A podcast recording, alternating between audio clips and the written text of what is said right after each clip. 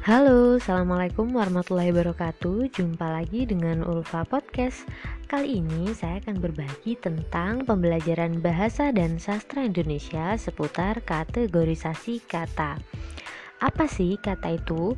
Kata itu unit terkecil dalam bahasa yang susunannya terdiri atas kumpulan huruf yang memiliki makna Sehingga dapat berfungsi membentuk kalimat, frasa, dan klausa Kata dibagi menjadi beberapa kategori.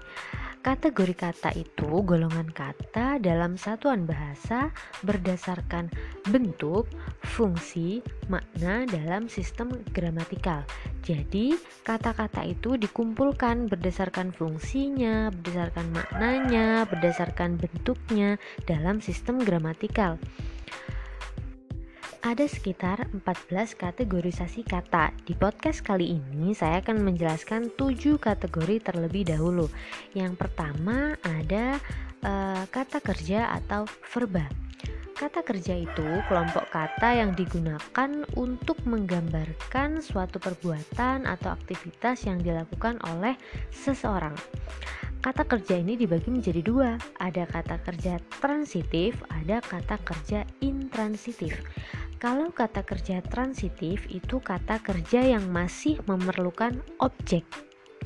Contoh kata kerja membawa. Ibu membawa. Membawa apa? Ini harus dilengkapi dengan objek agar kalimatnya jelas. Semisal, ibu membawa tas. Seperti itu. Kalau kata kerja intransitif itu kata kerja e, kebalikannya dari transitif, jadi tidak perlu dilengkapi dengan objek karena maknanya sudah jelas. Contoh, dia tertawa, dia terjatuh, seperti itu. Yang kedua, ada kata sifat atau adjektiva. Ini golongan kata yang dipakai untuk menyatakan sifat atau keadaan suatu hal. Bisa itu makhluk hidup, bisa itu benda, bisa itu waktu, tempat, dan lain sebagainya. Contoh, cantik, besar, pendek, cerdas, cepat itu termasuk dalam kata sifat atau adjektiva. Yang ketiga itu ada kata sapaan. Kata sapaan itu kelompok kata yang digunakan untuk menegur mitra tutur atau lawan bicara kita. Ini ada beberapa macam. Ada kata sapaan berdasarkan istilah kekerabatan, ada kata sapaan berdasarkan nama jabatan, ada kata sapaan berdasarkan nama orang. Yang pertama, istilah kekerabatan itu seperti adik, kakak, paman, ayah, ibu, dan lain sebagainya.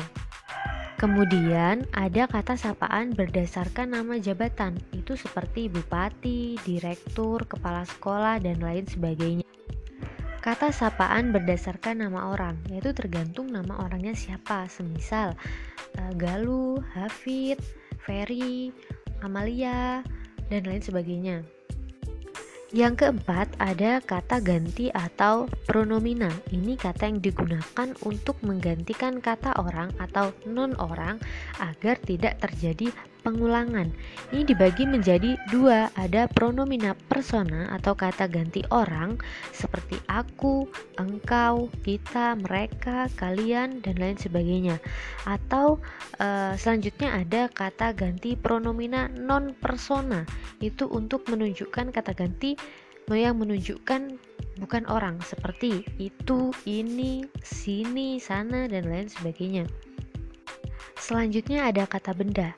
Kata benda itu kata yang mengacu pada orang, binatang, tempat, atau benda.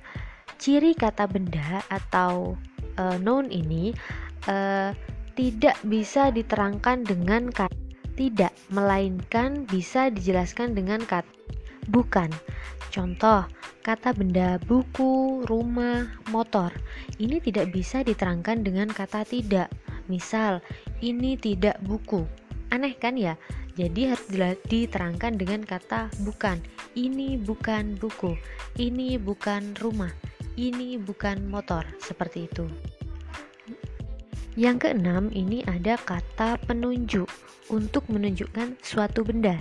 Dibagi menjadi dua, ada ini dan ada itu. Kalau ini untuk menunjukkan benda yang dekat dengan penutur, kalau itu untuk menunjukkan benda yang jauh dari penutur.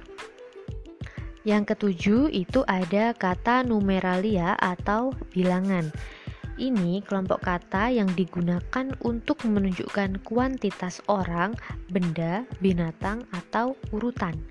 Kata numeralia ini dibagi menjadi dua. Ada numeralia yang takrif atau nilainya tentu dan ada numeralia yang tidak takrif atau nilainya yang tidak tentu. Numeralia yang nilainya tentu, contohnya 1000, 10, 5, 2, dan lain sebagainya. Sedangkan numeralia yang tidak takrif atau yang tidak tentu itu contohnya uh, beberapa, banyak, sebagian, sedikit, dan lain sebagainya. Nah, itu tujuh kategori kata. Uh, di podcast selanjutnya, saya akan menjelaskan uh, kategorisasi kata yang lainnya. Jadi itu saja podcast kali ini. Uh, selamat belajar, sampai jumpa lagi di podcast selanjutnya. Terima kasih. Assalamualaikum warahmatullahi wabarakatuh.